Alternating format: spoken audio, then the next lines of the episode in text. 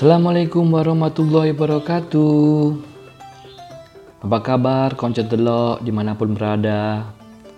Lapan delok mengucapkan selamat menunaikan ibadah puasa. Bagaimana puasa pertama kalian? Masih pada kuat kan? Sabar, sebentar lagi sudah berbuka puasa. Sesuai janji Lapon Delok sebelumnya, kali ini Lapon Delok akan hadir selama bulan Ramadan menemani kalian di acara Ngabuburit Cerita Rakyat bersama saya, Gaduh dari Lapon Delok, dan tidak lupa bersama Dewi Nobita. Itu loh suara Nobita di Doraemon pada tahu kan? Suaranya dijamin mantap. Baik, sebelum kita mulai cerita yang pertama, sepertinya sedikit kita berbagi ilmu dan informasi. Apa sih sebetulnya cerita rakyat itu? Cerita rakyat adalah cerita sejak tempo dulu yang berkembang di kalangan masyarakat secara turun-temurun yang disampaikan secara lisan. Oleh karena itu, cerita rakyat kerap kali disebut sebagai sastra lisan. Cerita rakyat merupakan sebuah kisah yang diangkat dari pemikiran fiktif dan kisah nyata, dibarengi dengan pesan moral yang mengandung makna kehidupan dan cara dalam berinteraksi dengan makhluk. Selain itu, beberapa ahli juga mengartikan bahwa cerita rakyat adalah cerita yang diwariskan secara turun-temurun dari generasi lama ke generasi baru secara lisan.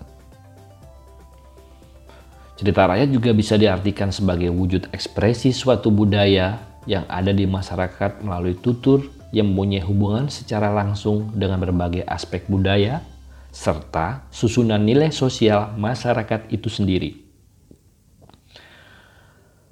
Dari sisi sastrawan, cerita rakyat merupakan salah satu karya sastra yang berwujud cerita yang lahir, hidup, dan berkembang di masyarakat tradisional yang disebarkan secara lisan, mengandung survival, sifatnya abonim, dan disebarkan antara kolektif khusus dalam jangka waktu yang lumayan lama.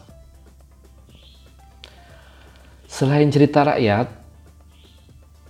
ada yang namanya dongeng kalau dongeng adalah bentuk sastra lama yang menceritakan tentang suatu kejadian luar biasa yang penuh dengan khayalan atau fiksi dan dianggap tidak benar-benar terjadi. Fungsi dongeng yaitu untuk menyampaikan moral, mendidik, dan tentu saja menghibur. Ada lagi namanya legenda. Kalau legenda adalah cerita prosa rakyat yang dianggap benar-benar terjadi oleh yang mempunyai cerita tersebut. Sebab itulah legenda kerap dijadikan sebagai sejarah kolektif. Ada lagi namanya mitos.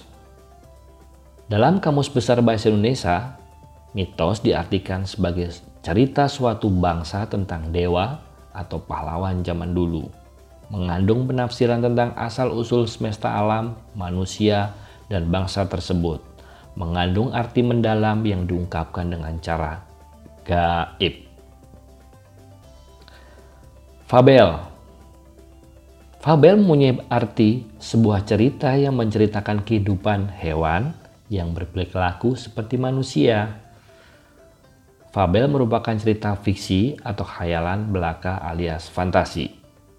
Dan yang terakhir adalah hikayat sebuah karya sastra lama Melayu berbentuk prosa yang berisi cerita, undang-undang, silsilah yang sifatnya rekaan, biografis, keagamaan, historis, atau bahkan gabungan dari sifat-sifat yang ada.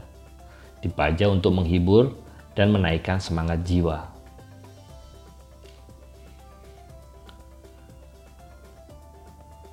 Cerita rakyat sendiri, ciri-cirinya pasti bersifat lisan, Isi dan bentuknya bersifat statis, tanpa pengarang atau anonim, milik bersama atau bersifat komunal. Jadi tidak ada yang bisa menghai asal cerita ini.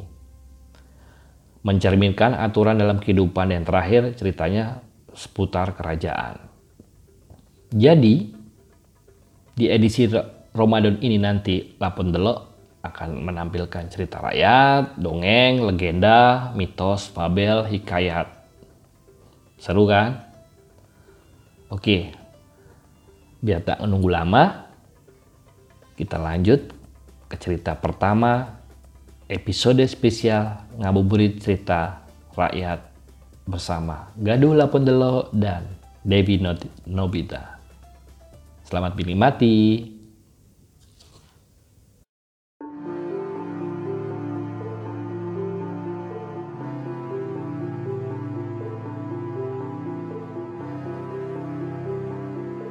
Pada zaman dahulu kala, di sebuah desa, tinggallah seorang janda bernama Mbok Rondo. Ia tinggal seorang diri karena suaminya sudah lama meninggal dunia.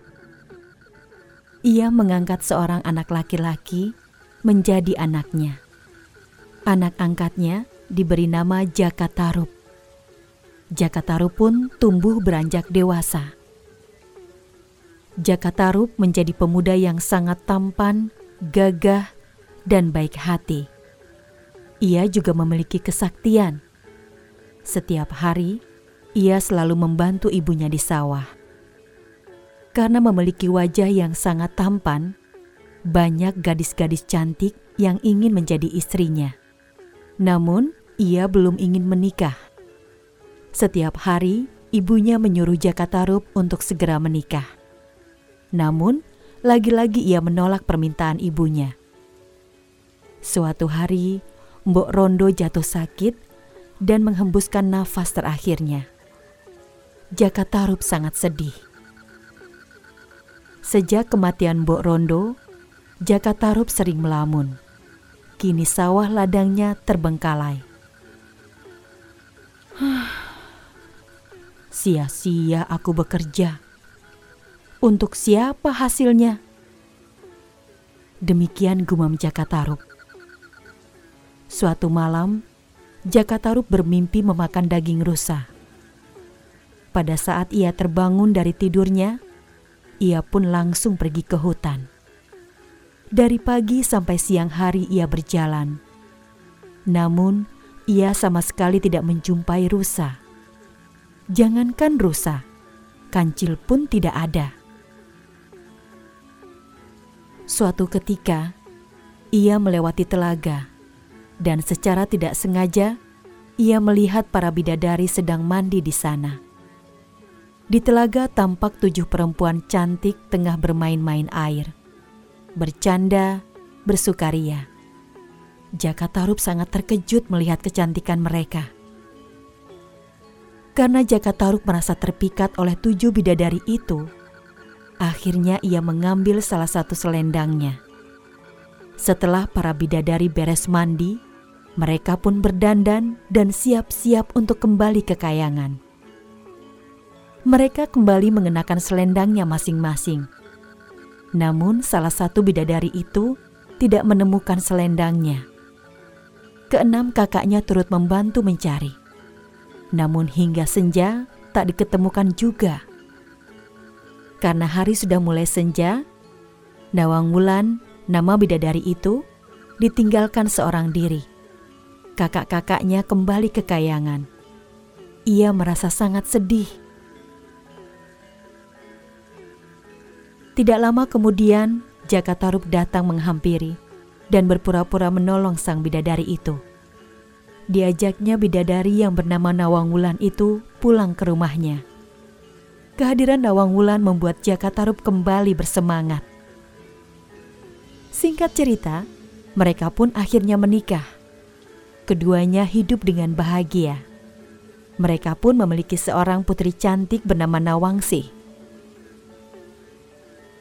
Sebelum mereka menikah, Nawang Wulan mengingatkan kepada Jaka Tarub untuk tidak menanyakan kebiasaan yang akan dilakukannya nanti setelah ia menjadi istri. Rahasia Nawang Wulan itu adalah ia memasak nasi selalu menggunakan satu butir beras. Dengan sebutir beras itu, ia dapat menghasilkan nasi yang banyak. Setelah mereka menikah, Jaka Tarub sangat penasaran.